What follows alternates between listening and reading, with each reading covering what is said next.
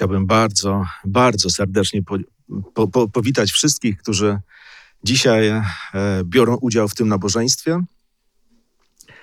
E, wszystkich tych, których widzę i tych, których nie mogę zobaczyć, ale wiem, że gdzieś są świadkami, właściwie nie tylko uczestnikami takimi gdzieś na odległość, ale myślę, że sercem także identyfikują się z pewnymi treściami, które są przekazywane, i, i, i w sumie jest to taki czas naprawdę spędzany z Panem Bogiem. Teraz jest moment, w którym chcemy rozważać Boże Słowo. E, kiedy spoglądamy na działalność Pana Jezusa na tej ziemi, to wiemy o tym, że przyszedł po to, żeby zwiastować Ewangelię. Ale zwiastowanie Ewangelii nie oznacza, że Pan Jezus miał nam do powiedzenia tylko o takich dobrych, przyjemnych rzeczach. Otóż nie. Ewangelia rzeczywiście jest dobrą nowiną, natomiast słowa, które dzisiaj już we wstępie mamy jako takie, takie przewodnie myśli, pokazują nam, że Pan Jezus był e, świadomy tego, że życie na tej ziemi wygląda naprawdę bardzo różnie.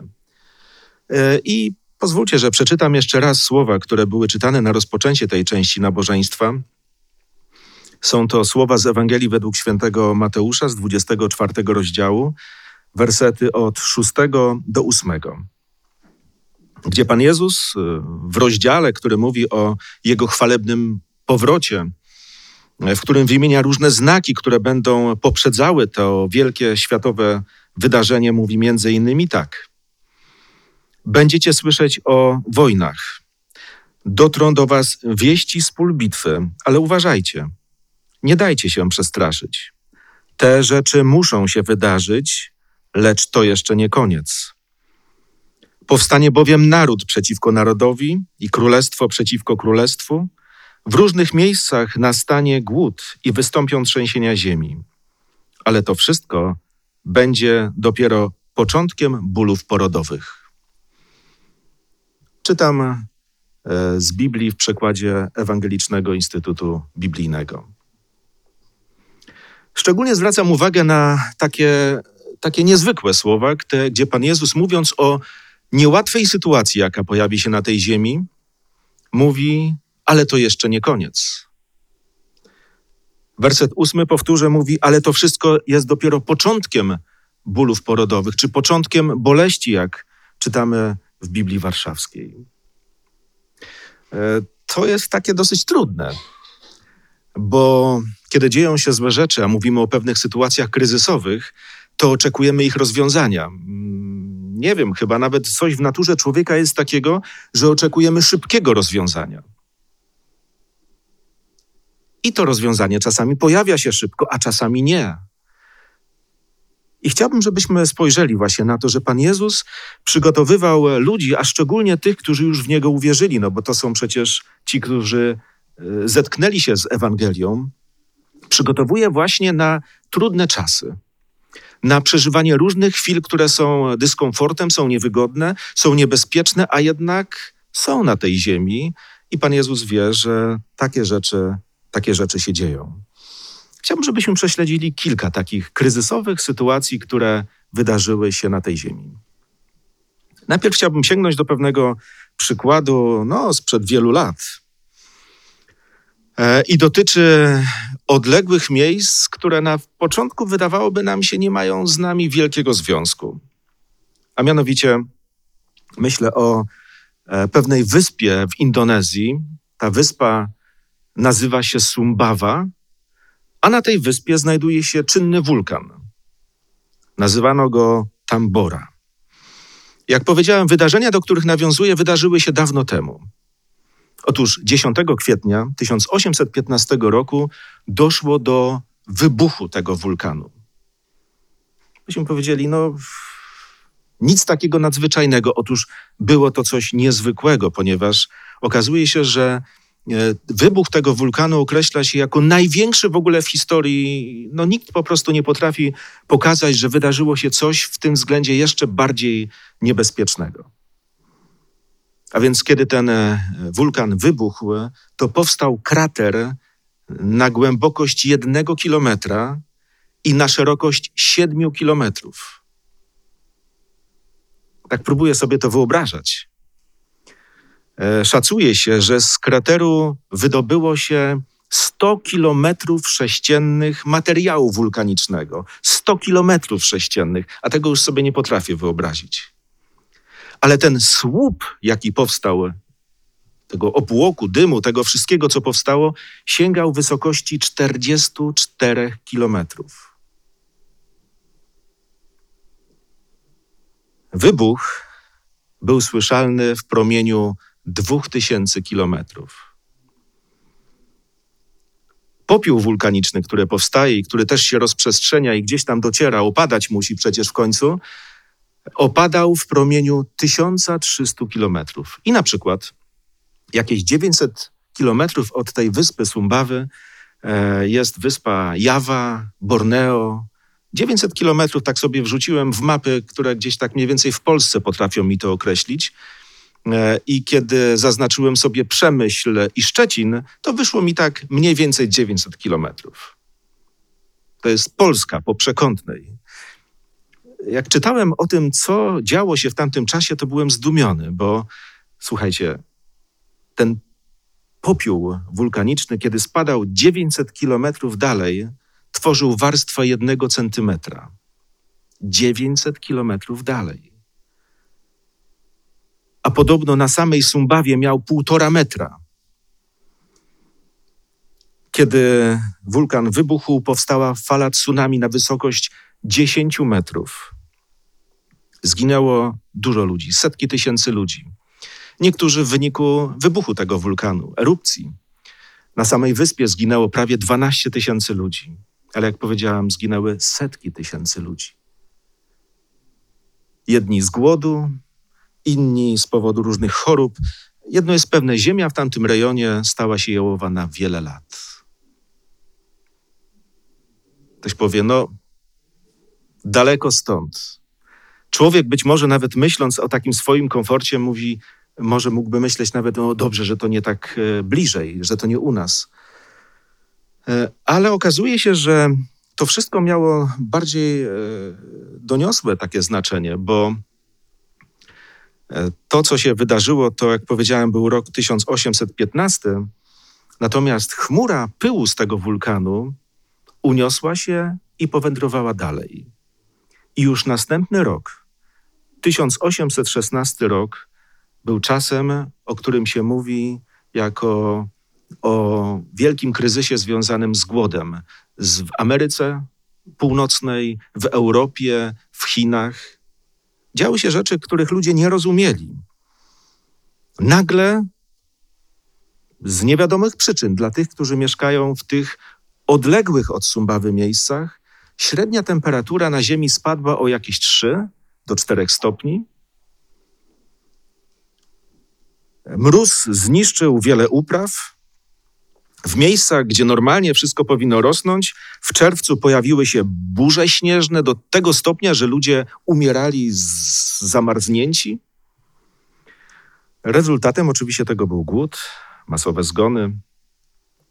Kto oczywiście wtedy miał jakieś zapasy żywności, to zarabiał fortunę, ale kto ją miał? Ludzie niektórzy umierali z głodu, jak powiedziałem, inni z wyczerpania. Układ odpornościowy człowieka niedożywionego był tak słaby, że różnego rodzaju infekcje spowodowały naprawdę masowe, masowe przypadki śmierci. Sprawozdania mówią, że we Francji, Wielkiej Brytanii doszło do zamieszek, że nasiliła się przestępczość, że plądrowano magazyny ze zbożem. Podobno na Węgrzech, takie są sprawozdania z tamtych czasów, wpadał brązowy śnieg. Ludzie zastanawiali się, co się dzieje. We Włoszech śnieg przybrał kolor czerwony. Obniżenie temperatury w Chinach spowodowało, że ludzie nie mogli po prostu zbierać ryżu, który był podstawą jedzenia, e, wyżywienia, i nastał wielki głód. Ludzie nie wiedzieli, co to jest. Wiecie, dzisiaj przy takim e, szybkim przekazie informacji można byłoby dowiedzieć się o jednym nieszczęściu, o drugim nieszczęściu, wyciągnąć wnioski, co z czego wynika. Wtedy nie mogli ludzie wiedzieć, jak to jest, że jest głód, jak to jest, że w czerwcu pada śnieg, kiedy powinniśmy już się przygotowywać do zbiorów. Jak to jest? Po wielu latach jak powiedziałem, w innej zupełnie e, takim, w innym za, zaawansowaniu technologicznym, ludzie zaczęli to kojarzyć. E, przyczyniły się do tego na przykład dzienniki pokładowe na statkach, kiedy w różnych miejscach coś odnotowano, a później, kiedy zebrano to wszystko razem, stwierdzono, że jest to cały system e, powiązanych wydarzeń. Ale wtedy, kiedy ludzie cierpieli głód, niedostatek, kiedy przeżywali taki wielki kryzys, wielu zastanawiało się, czy to nie jest aby koniec świata. Przecież to, co się dzieje, jest naprawdę niezwykłe, ale koniec świata nie przyszedł. Spełniły się słowa Jezusa, które czytałem dzisiaj, a mianowicie: Lecz to jeszcze nie koniec. Ludzie musieli żyć, nie mieli wyboru. I gdy tak spoglądamy na e, wielkie kryzysy na tej ziemi, one przychodziły. E, na przykład, gdybyśmy spoglądali na historię I wojny światowej. Rozpoczęła się od wielkiego wybuchu, od wulkanu? Nie. Napięcie w Europie rosło, mocarstwa tamtych czasów e, miały jakieś swoje marzenia, swoje aspiracje. Aż pewnego dnia, był to 28 czerwca 1914 roku, e, jak sprawozdania historii mówią, serbski nacjonalista, który nazywał się Gawriło Princip, zastrzelił arcyksięcia Franciszka Ferdynanda, jego małżonkę i się zaczęło. Już miesiąc później, 28 lipca, wybuchła I wojna światowa. Oglądałem filmy, archiwalne filmy z tamtych czasów.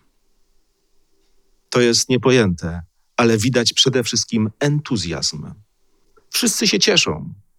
Ludzie wierzą, że w kilka tygodni wojna się skończy, a oczywiście ja, każdy tak myślał, będę zwycięzcą.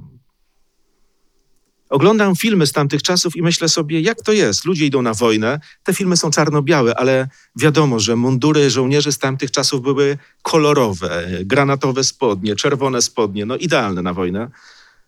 Ale idą żołnierze uśmiechnięci, mają włożone kwiatki do luf karabinów, idą na wojnę, cieszą się, bo przecież wierzą, że, że zwyciężą. I nikt nie zakładał, że wojna będzie trwała od tego 28 lipca 1914 roku aż do 11 listopada 1918. Co się wydarzyło? Nie będę opowiadał o wojnie, to nie o to chodzi, ale wojna się skończyła i tak, jedni wygrali, drudzy przegrali. Kto tak naprawdę wygrał? Jakie to było zwycięstwo? Takie słodkie? Kiedy ludzie wracali i towarzyszyła wszędzie ludziom żałoba kiedy były wdowy, kiedy były sieroty, kiedy był głód, kryzys ekonomiczny. I wtedy też ludzie spoglądali, ludzie wierzący, ludzie czytający Biblię spoglądali i mówili zaraz, no przecież Chrystus mówił, że będą wojny, będą wieści wojenne. To są jedne ze znaków, które mają poprzedzać przyjście Pana Jezusa. Wielu zastanawiało się i mówili, no to chyba będzie koniec świata. Myśleli, to już jest, gorzej być nie może. Nie wyobrażam sobie czegoś jeszcze, więcej byśmy nie znieśli. Gorzej być nie może. Może. Ludzie wracali do swoich domów i 1918 rok to jest rok, w którym wielkie żniwo zebrała grypa Nazywamy ją Hiszpanką. W wyniku tej grypy umarło 50 milionów ludzi. Ile zginęło podczas I wojny światowej? 14 milionów, a później 50 milionów. Coś naprawdę niepojętego, niewyobrażalnego, ale wypełniły się słowa Jezusa, ale to jeszcze nie koniec, ale to jeszcze nie koniec boleści. Może być gorzej?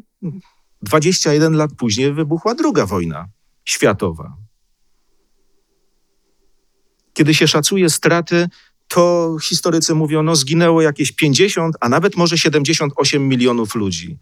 Zobaczcie, jaki rozstrzał. Ludzie nie mogą się doliczyć. Z samą bronią w ręku w tej wojnie brało udział 110 milionów ludzi. Długa historia, nie ma co o tym opowiadać teraz w szczegółach, ale ta wojna objęła Europę, Afrykę, rejon Pacyfiku. Nie bez powodu mówiło się, że jest to wojna światowa. I znowu coś się skończyło. Oglądam filmy z tamtych czasów, jakieś archiwalne, i teraz nagle sojusznicy ze wschodu, z zachodu, żołnierze się spotykają, ściskają się, świętują. A z jakiegoś powodu za chwilę mówimy, za chwilę, za niewiele lat pojawia się problem takiej dziwnej wojny, nazwano ją zimną wojną. Gwałtowne zbrojenia nuklearne. Ludzie są pełni trwogi. Małe dzieci uświadamia się, co tu zrobić, że gdyby wybuchła bomba atomowa, co zrobić, jak się ukryć, jaką maseczkę założyć, jak się przygotować, co zrobić, żeby zminimalizować straty.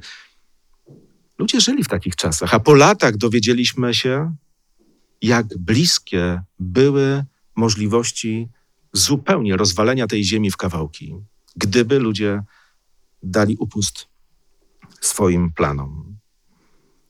Działo się wiele różnych rzeczy, ale zobaczcie, co róż mogę przytaczać słowa Pana Jezusa, wypełnione słowa Pana Jezusa, ale to jeszcze nie koniec. Gdybym żył w którymś z tych momentów historii, to mógłbym się tak bardzo związać z myślą, to już musi być koniec. No, moja chęć, moje wyobrażenie nie zmienia rzeczywistości. Nie zmienia. Można byłoby spróbować zliczyć różnego rodzaju konflikty, które powstały na Ziemi. Nie potrafię tego zrobić. Ludzie nie potrafią policzyć milionów sztuk broni, którą wyprodukowali. Ale to, że świat był na krawędzi różnych kryzysów i nieszczęść, które mogłyby naprawdę niszczyć miliony ludzi, to wiemy wszyscy. Przypatrujemy się temu i myślimy, tak będzie bez końca? Ciągle będą wypełniały się tylko słowa Pana Jezusa, ale to jeszcze nie koniec, ale to dopiero początek boleści czy bólów porodowych? No nie będę się wypowiadał jako mężczyzna na temat bólów porodowych, ale wyobrażam sobie, że Pan Jezus mówi: naprawdę będzie ciężko. Bez końca? O tym, że koniec może przyjść, to mówią ludzie, którzy nawet nie otwierają Biblii. Ogólnie mówiąc, ludzie nauki potrafią stwierdzić, że my naprawdę zbliżamy się do ściany. Ale jako chrześcijanie otwieramy Biblię. E, I Biblia na ten temat też nam coś mówi, całkiem dużo i to bardzo jednoznacznie. I myślę, że warto na to zwrócić uwagę. Pozwólcie, że przeczytam nieco szerszy fragment z tego rozdziału, który już czytałem. Wcześniej czytałem od wiersza szóstego. Teraz chciałbym przeczytać fragment z Ewangelii według świętego Mateusza z 24 rozdziału od wiersza czwartego do czternastego. Jezus odpowiedział: Uważajcie, by was ktoś nie wprowadził w błąd. Gdyż wielu przyjdzie w moim imieniu, Chrystus to ja, powiedzą, i wielu zwiodą. Będziecie słyszeć o wojnach, dotrą do was wieści z pól bitwy, ale zauważcie, ale, przepraszam, z pól bitwy, ale uważajcie, nie dajcie się przestraszyć. Te rzeczy muszą się wydarzyć, lecz to jeszcze nie koniec. Powstanie bowiem naród przeciwko narodowi i królestwo przeciwko królestwu. W różnych miejscach nastanie głód, wystąpią trzęsienia ziemi, ale to wszystko będzie dopiero początkiem bólów porodowych. Wtedy zaczną was dręczyć i będą was zabijać. Wszystkie narody was znienawidzą ze względu na moje imię. Wówczas wielu się zrazi, będą na siebie nawzajem donosić, nawzajem się nienawidzić. Pojawi się też wielu fałszywych proroków i wielu zwiodą. Z powodu szerzącego się bezprawia miłość wielu oziębnie, lecz ten, kto wytrwa do końca, zostanie ocalony. Dobra nowina o królestwie zostanie rozgłoszona po całym zamieszkałym świecie, na świadectwo wszystkim narodom, i wtedy nadejdzie koniec. Pan Jezus dalej mówi o tym, że powróci, mówi o różnych szczegółach, które tego dotyczą, ale Pan Jezus mówi: przyjdzie koniec. Zanim to się stanie, będzie się działo dużo, dużo rzeczy. Natomiast to, co jest ważne, myślę, że to, co jest takie cenne dla nas, to to, że chrześcijanie kiedyś i dzisiaj wierzyli i czekali na Chrystusa, który ma powrócić w chwale. To jest bardzo, bardzo ważna myśl. Kiedy czytam list do Koryntian i zauważam, że ludzie witali się słowami Maranata, mówiąc Pan przychodzi, tak na co dzień, to jest to coś niezwykłego. Gdy na przykład czytam końcówkę Biblii, właściwie prawie że ostatnie słowa Nowego Testamentu, no one działają na mnie w sposób niezwykły. Czytam z 22 rozdziału Apokalipsy, werset 20 i 21, gdzie jest powiedziane: Mówi ten, który to poświadcza: Tak, przyjdę wkrótce. Amen. Przyjdź, Panie Jezu. Niech łaska Pana Jezusa towarzyszy Wam wszystkim. Tak, przyjdź, Panie Jezu. To są pragnienia ludzi, którzy słyszeli obietnicę: Przyjdę, przyjdę ponownie. Tak żyli wtedy ludzie. E, czytając Nowy Testament, zauważam, że ludziom przy tych myślach o powracającym Chrystusie towarzyszyła wielka taka nadzieja i wręcz entuzjazm. Ale entuzjazm ma to do siebie, że czasami potrafi coś wykoślawić. Ja teraz nie mówię o intencjach, ale czasami tak jest, że człowiek, jak się z czymś zafiksuje w ten niewłaściwy sposób, to potrafi zejść na prawo, na lewo. Nieważne. I dlatego, kiedy czytamy ten 24 rozdział Ewangelii Mateusza, Pan Jezus mówiąc o tych różnych kryzysach, które były, które są i będą, i w których musimy żyć, bo nie mamy innego wyjścia. Mówi między innymi tak, werset czwarty. Uważajcie, by was ktoś nie wprowadził w błąd. To jest słowo do ludzi wierzących. Jedenasty werset mówi: Pojawi się wielu fałszywych proroków i wielu zwiodą. A to nie tylko uważaj. Jest powiedziane, że skutek działalności tych fałszywych proroków, o których czytamy tutaj, będzie niestety tragiczny, zwiodą wielu. Gdzie pamiętam takie czasy, kiedy zaczynałem czytać Biblię, e, kiedy, kiedy no, przeżywałem takie niezwykłe chwile tych, tych początków. I wiadomo, sama myśl o powracającym Chrystusie była dla mnie elektryzująca. Pamiętam, pod jakim wrażeniem byłem, kiedy tak dotarło do mnie, że to fakt, że to będzie. Ale gdy czytałem ten fragment i czytałem, że niektórzy ludzie przyjdą i powiedzą: Jestem Mesjaszem, to powiem wam, była to dla mnie abstrakcja. Myślę sobie, no nikt zdrowy na umyśle czegoś takiego nie powie. Nie widziałem w tym zagrożenia, słuchajcie. Okazuje się, że niektórzy powiedzą i znajdą się tacy, w którzy w to uwierzą i pójdą, czego historia chrześcijaństwa jest niestety dowodem. Bardzo dziwna rzecz. Wykoślawienie, coś się wyrodziło. Jak to?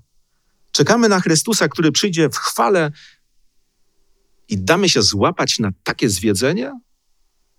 No, nie mówię o tobie i o mnie, ale ludzie niestety wpadali w takie pułapki.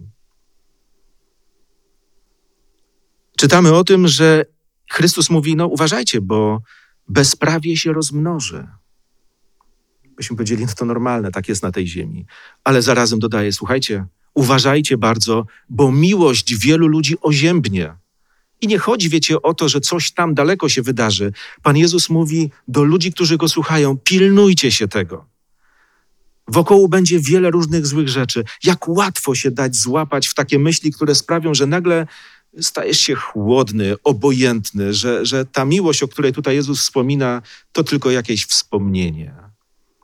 Chrystus nam naprawdę życzy czegoś zupełnie innego i mówi, kto wytrwa do końca. Pamiętaj, wytrwałość na przekór wszystkiego. Tych znaków, które powodują, że ludzie umierają, tych znaków, które mówią o tym, że ludzie mnie zniechęcają. Mówi, kto wytrwa do końca, ten będzie zbawiony.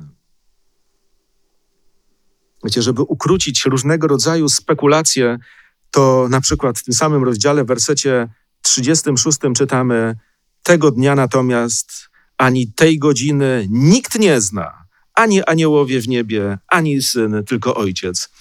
I znowu wspominam swoje początki z Biblią. Czytałem o tym i myślę sobie, No kto rozsądny będzie w tych czasach wyznaczał daty powrotu Jezusa Chrystusa? To jest niemożliwe przy tego rodzaju określeniu Pana Jezusa. Tym rozdziale tylko czytamy jeszcze w innych miejscach, na przykład werset 42. Czuwajcie zatem, ponieważ nie wiecie, którego dnia Pan wasz przyjdzie. 44 werset mówi: Dlatego i wy bądźcie gotowi, gdyż syn człowieczy przyjdzie o godzinie, której się nie domyślacie. Albo werset 50. To przyjdzie Pan tego sługi w dniu, w którym go nie oczekuje i o godzinie, którejś nie przeczuwa. Jasne, proste. W jednym rozdziale to wszystko jest tak wyraźnie określone. No niby wyraźnie. Ale w życiu spotykam się czasami z taką, tak, współcześnie, z taką chyba, nie wiem czy przemyślaną filozofią, ale tak to mniej więcej można ubrać w słowa, że owszem, Pan Bóg wie wszystko, ale ja wiem lepiej. Pokombinuję, coś mi tam wyjdzie na osi czasu. Pan Jezus mówi: Nie, nie. Mówię wam to wszystko, bo czasy, które są, i czasami taki dociśnięty człowiek okolicznościami szuka wyjścia, czasami na skróty. Te skróty nie są, nie są niczym dobrym. Gdy na przykład czytamy słowa apostoła Pawła, który pisze do zboru w Tesalonikach. I nawiązuje do pierwszego jego listu, do drugiego jego listu, e, można zauważyć, że kiedy mówimy o zborze w Tesalonikach, to jest to taki zbór, który wtedy niedawno powstał i ludzie rzeczywiście mogli e, po prostu się specjalnie jeszcze nie utwierdzić w tych ważnych naukach, które zostały im przekazane. Ale zobaczcie, co czytamy na początku drugiego rozdziału. Sami też pamiętacie, bracia, że jak się potem okazało, nie przybyliśmy do was nadaremnie. Eee... Przepraszam, czytam z pierwszego listu, a chciałbym z drugiego. O właśnie. Drugi rozdział. Jeśli chodzi o przyjście naszego Pana Jezusa Chrystusa i nasze spotkanie z Nim, to prosimy Was, bracia, nie dajcie wprowadzić się w błąd. Nie bójcie się też ani żadnego ducha, ani słowa, ani listu rzekomo przez nas napisanego, że nieby już nastał dzień Pana. Ktoś pomyślał, ktoś powiązał jakieś fakty i nagle rodzi się wniosek: Dzień Pana już nastał. Nie myślcie, jakiś duch, jakiś list może przez nas napisany. Nie dajcie się po prostu wprząc w tego typu myślenie. Zobaczcie, apostoł Paweł, e, jemu nie brakowało wiary. On nie próbował gasić ducha tych ludzi, którzy czekali na przyjście Pana Jezusa. On nie próbował tłumić ich gorliwości, ich jakiegoś takiego prawdziwego zapału. Sam przecież oczekiwał na przyjście Pana Jezusa. Czytamy, że jego oczekiwanie było naprawdę niezwykle takie aktywne że poświęcił się temu, ażeby jak najwięcej ludzi przygotować na ten moment, kiedy Pan Jezus przyjdzie, a ludzie będą mogli go przywitać i być po tej właściwej stronie. Gdy spoglądamy na jego słowa z drugiego listu do Tymoteusza, z czwartego rozdziału, i czytam werset od szóstego do ósmego, to apostoł bardzo osobiście mówi: ja bowiem jestem już złożony na ofiarę. Wybiła godzina mojego odejścia. Toczyłem piękny bój. Bieg ukończyłem, wiarę zachowałem. Teraz czeka mnie wieniec sprawiedliwości, który w tym dniu da mi Pan, sędzia sprawiedliwy, a nie tylko mnie, da go wszystkim, którzy z utęsknieniem oczekują Jego przyjścia. Czekał, wyczekiwał, ale musiał interweniować wtedy, kiedy słyszał wieści z Tesalonik. Czytając dalej, mogliśmy zwrócić uwagę na fakt, że apostoł mówi, słuchajcie, no wypełnią się wszystkie proroctwa. Przed nami na przykład jeszcze wypełnienie się proroctwa o wielkim odstępstwie, które niestety dotknie nawet Kościół chrześcijański. Można przeczytać naprawdę wstrząsające opisy przyszłości Kościoła chrześcijańskiego, które się wypełniły rzeczywiście w historii. Ale Paweł chce powiedzieć, wszystko przyjdzie w swoim czasie. Znaczy w tym przez Boga określonym czasie. Entuzjazm, gorliwość, dobra rzecz, ale nie są usprawiedliwieniem wszystkiego. Ale do czego zmierzam? Mówimy o tym, że Chrystus przyjdzie, że Chrystus przestrzegał przed niebezpieczeństwami. Ale zarazem warto może zadać sobie pytanie, no to po co te wszystkie znaki, które tam w Ewangelii Mateusza są wymienione? Po co nam one? No, najprościej można odpowiedzieć: mamy wiedzieć. A do czego nam ta wiedza? Na przykład szósty werset, cały czas myślę o 24 rozdziale Ewangelii Mateusza, mówi: Nie dajcie się przestraszyć. Co to znaczy? Czyli kiedy mówimy o trudnych wydarzeniach, kiedy mówimy o sytuacjach kryzysowych, to nie jest tak, że chrześcijanie są ponad tym i mówią, a mnie to wcale nie interesuje, a ja to wszystko mam tak, wiecie, gdzieś jakby obok mnie. Otóż nie. Te bóle porodowe dotykają wszystkich ludzi bez wyjątku. Ludzie wierzący też cierpią i uginają się przed, pod różnymi wyzwaniami. I Jezus, jak tu jest powiedziane, wie, co przeżywamy. Zaryzykuję stwierdzenie, musi tak być nie dlatego, że Bóg sobie tak to wymarzył, ale żyjemy na zbuntowanej planecie, gdzie takie rzeczy się dzieją. I Pan Jezus mówi, ale wy nie dajcie się przestraszyć. Można się nie dać? No tak, można robić różne rzeczy, żeby się nie dać. E, taki współczesny przykład osoby, o której wiem, że bardzo przeżywa teraz e, to, co się dzieje w Polsce. To zagrożenie zarażeniem i tak dalej. E, nie mówię tego, broń Boże, żeby to oceniać. Po prostu stwierdzam fakt. Bardzo to przeżywa. Zabezpiecza się jak tylko możliwe, żeby wyjść na zakupy, a mimo to żyje w takiej trwodze. Spać nie może. Jakiś czas temu słyszałem, że ta osoba obudziła się o trzeciej w nocy, bo nie mogła spać z tego lęku, który jest. No i co zrobiła? No i włączyła, nie wiem gdzie, w internecie, w radiu, nie wiem gdzie, wiadomości. Wiem, że z wiadomości nie można się o trzeciej nad ranem dowiedzieć nic nowego, czyli trzeba odsłuchać to, co było. No i ranek był cudowny. Jeszcze większy strach, większy lęk. Tak się nie da żyć. Chrystus mówi: Słuchajcie, chodzicie po tej ziemi tak jak wszyscy inni. Zagrożenia dotykają i sprawiedliwych, i niesprawiedliwych. No nie wiem, jaki tu podział dokonać. Nie musimy się trzymać tych słów. Wszystkich ludzi. I co? Mówi, a wy nie dajcie się przestraszyć. Więcej, kiedy czytamy o Panu Jezusie, który wypowiada się tutaj na temat znaków czasu i o tych zagrożeniach, o których już powiedziałem, przed którymi nas przestrzega, uczula, żebyśmy byli wrażliwi, to mówi między innymi słowa, które są jakby na przekór wszystkiego. Zobaczcie, werset 14. Dobra nowina o królestwie zostanie ogłoszona po całym zamieszkałym świecie, na świadectwo wszystkim narodom, i wtedy nadejdzie koniec. To jest coś niesamowitego, co jakby wybija się z tego, co czytałem.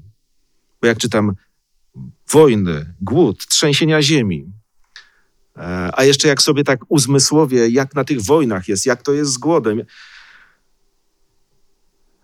A Pan Jezus mówi: Słuchajcie, na przekór wszystkiego, dobra nowina o tym, że Jezus jest naszym zbawicielem, będzie docierała do różnych ludzi, do nowych ludzi na całej ziemi.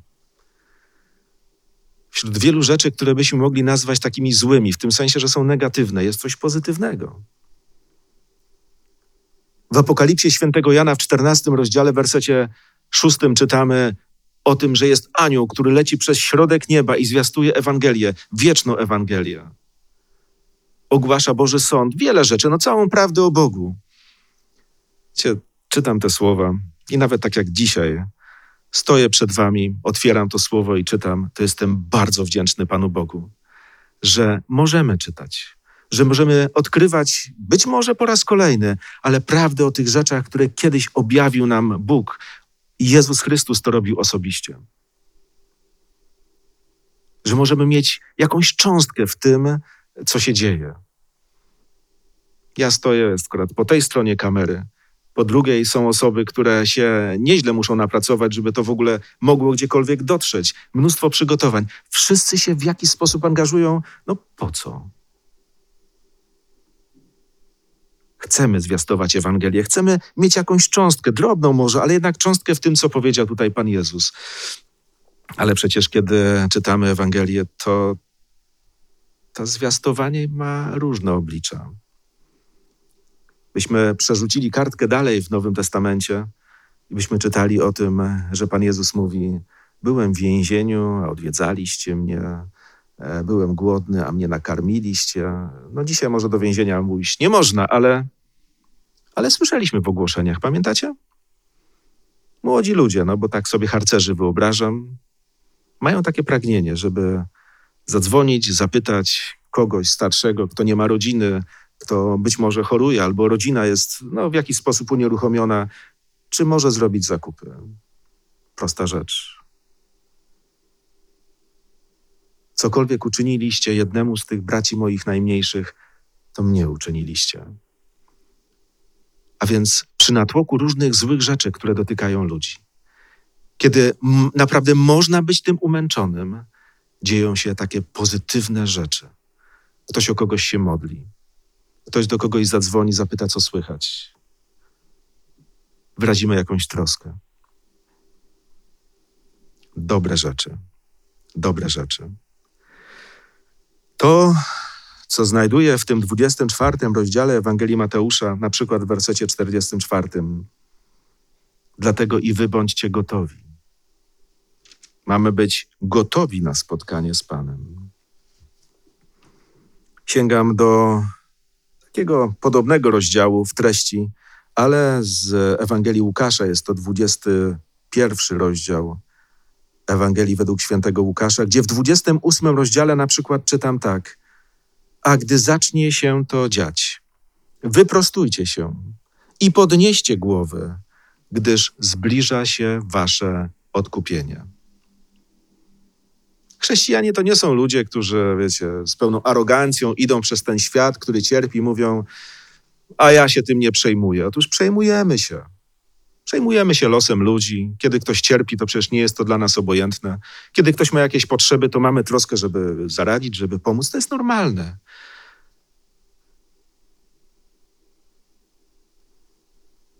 Ale ta podniesiona głowa to jest też pewien symbol, że nie chodzę taki zbity, niepewny siebie, nie wiem co robić, na granicy załamania. Nie, tak Chrystus tego nie przedstawia. Naprawdę można stanąć naprzeciw tego, co się dzieje w danym momencie historii. Nieco dalej, od wiersza 34 Łukasz mówi: Strzeżcie się natomiast, aby wasze serca nie straciły wrażliwości na skutek obżarstwa, przepicia oraz trosk dnia codziennego, aby was ten dzień, aby ten dzień nie spadł na was z nienacka. Niczym sidło bo zaskoczy wszystkich mieszkających na obszarze całej ziemi. Bądźcie więc czujni w każdej chwili i módlcie się, abyście zdołali uciec przed tym wszystkim, co ma się wydarzyć i stanąć przed Synem Człowieczym. Rozmawiałem ze znajomym niedawno. A, spokojny w tym czasie. Specjalnie się nie przejmuje tą chorobą. Wydaje mu się, że tak, żyje, że. A nawet jeżeli to no, nie przeżywa tego jakoś tak bardzo osobiście, Ale mówi, ale ciekawe, tak wśród znajomych rozmawiamy, e, jakie to wywoła skutki ekonomiczne przez najbliższe lata. I tym się martwimy. No każdy się czymś może martwić. Ale Pan Jezus mówi, że w tych różnych troskach, bo przecież zapobiegliwość życiowa nie jest czymś złym. To, że myślimy o tym, jak się utrzymamy, to jest rzecz normalna. Mówimy, pieniądze nie są najważniejsze, bo nie są, ale czy są ważne? Oczywiście, że są. Dach nad głową jest ważny, jedzenie jest ważne, wiele rzeczy jest ważnych, ale Pan Jezus mówi o tym, że niektórzy w tych troskach codziennego życia potrafią się zagubić. Nie wiem, stracić proporcje, stracić jakiś punkt odniesienia. W tym czuwaniu Jezus nam zwraca uwagę na wiele, wiele ważnych rzeczy. Czytamy, że Jezus ma przyjść, ma powrócić. To jest bardzo dobra wiadomość. My, jako Jego uczniowie, nie jesteśmy ignorantami, nie jesteśmy arogantami, mówiąc, nic innego nas nie interesuje. Otóż interesuje. Człowiek nas interesuje. Życie z Bogiem nas interesuje. To, że ludzie mają potrzeby, też nas interesuje. Chcemy zwiastować Boże Słowo na przekór różnych okoliczności, które są. Zawsze trzeba szukać możliwości, które się gdzieś tam pojawiają. Ale możemy być bardzo wdzięczni Panu Bogu, że właśnie w takich czasach nie musimy być przerażeni, nie musimy żyć z takim poczuciem beznadziejności. I pozwólcie, że sięgnę jeszcze do tego, co Wspominany przeze mnie apostoł Paweł powiedział, kiedy pisał list do Filipian. Zaznaczałem, że na pewno Paweł czekał na spotkanie z Panem. Mm, wiedział, że dla niego to spotkanie to tak naprawdę moment zmartwychwstania, ale ewidentnie czekał. Natomiast mówiąc o swoim życiu, życiu człowieka oczekującego, powiedział to, co zawiera się w czwartym rozdziale listu do Filipian w wersecie 12 i 13. Wiem, co to skromność. Znany mi niedostatek. Radzę sobie wszędzie, w każdej sytuacji. Poznałem sytość, nie obcy mi głód. Wiem, jak mieć dużo i umiem żyć w biedzie. Wszystko mogę w tym, który mnie wzmacnia, w Chrystusie. W Biblii Warszawskiej czytamy: Umiem żyć w obfitości, umiem żyć w biedzie. Niektórzy ludzie nie potrafią ani mieć, ani nie mieć. Życie rozpada się i w takiej i w takiej sytuacji. Paweł mówi, że dzięki Bogu jego życie zostało uporządkowane. Umie się odnaleźć w tych warunkach, jakie są. To tak jak w dobrym małżeństwie. Ludzie się pobierają i mówią, na poważnie mówią, to jest na dobre i na złe w zdrowiu i chorobie, w pomyślności i ubóstwie. No to, co może nam zerwać te więzi, to śmierć. Chciałoby się powiedzieć Amen. Dokładnie tak ma być w życiu, tym, o którym wspominam, ale przecież w tym życiu naszym z Jezusem Chrystusem jest dokładnie to samo. Jezus nam proponuje dobre życie. Dobre to nie znaczy łatwe. Dobre to nie znaczy bez problemów. Bo jak tak sięgniemy myślami w przeszłość, to nie znajdziemy pokolenia ludzi, którzy by się nie otarli o poważny kryzys.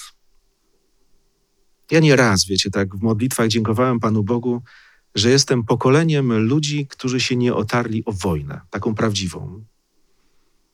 Może można zauważyć, że ta tematyka mnie trochę interesuje. Ale czytam sobie czasami książkę o tym i tak czytam o ludziach, którzy umierali, a wie, Panie Boże, ja nie czuję smrodu tego frontu, na którym rozkładają się ciała ludzi, także i moich przyjaciół. Siedzę w wygodnym fotelu i popijam ciepłą herbatkę i czytam o trudnych czasach. Nie musiałem tego doświadczyć. Dziękuję Ci. Ale czego jeszcze w życiu doświadczę? Nie wiem. Ale chciałbym, wiecie, tak jak apostoł Paweł powiedzieć, umiem żyć. Umiem. To nie ja. Wszystko mogę w tym, który mnie wzmacnia, w Chrystusie. I mam takie marzenie. Mam takie marzenie, żeby przyszedł taki moment, w którym spełnią się słowa, a teraz nastaje koniec i przychodzi Chrystus. Kiedy to będzie? Nie wiem. Ale chciałbym z nim żyć do tej pory.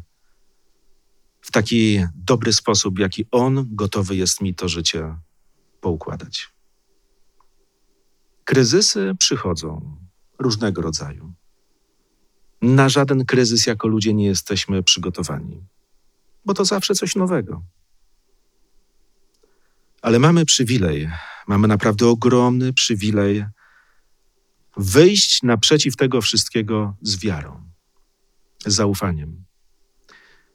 Wiecie, i z taką wizją świata, który nie jest obrazem tego, jak ja sobie to wyobrażam, ale taką wizją świata Jezusa Chrystusa, który zwiastując dobrą nowinę, powiedział o rzeczach przykrych, bolesnych, które mają zawsze dobre zakończenie. Ale ja jestem przekonany, że z Bogiem to każdy dzień może być dobrym, każdy bez wyjątku. I niech nas Bóg właśnie błogosławi, żebyśmy takiego dobra przeżyli z Jezusem Chrystusem jak najwięcej. Amen.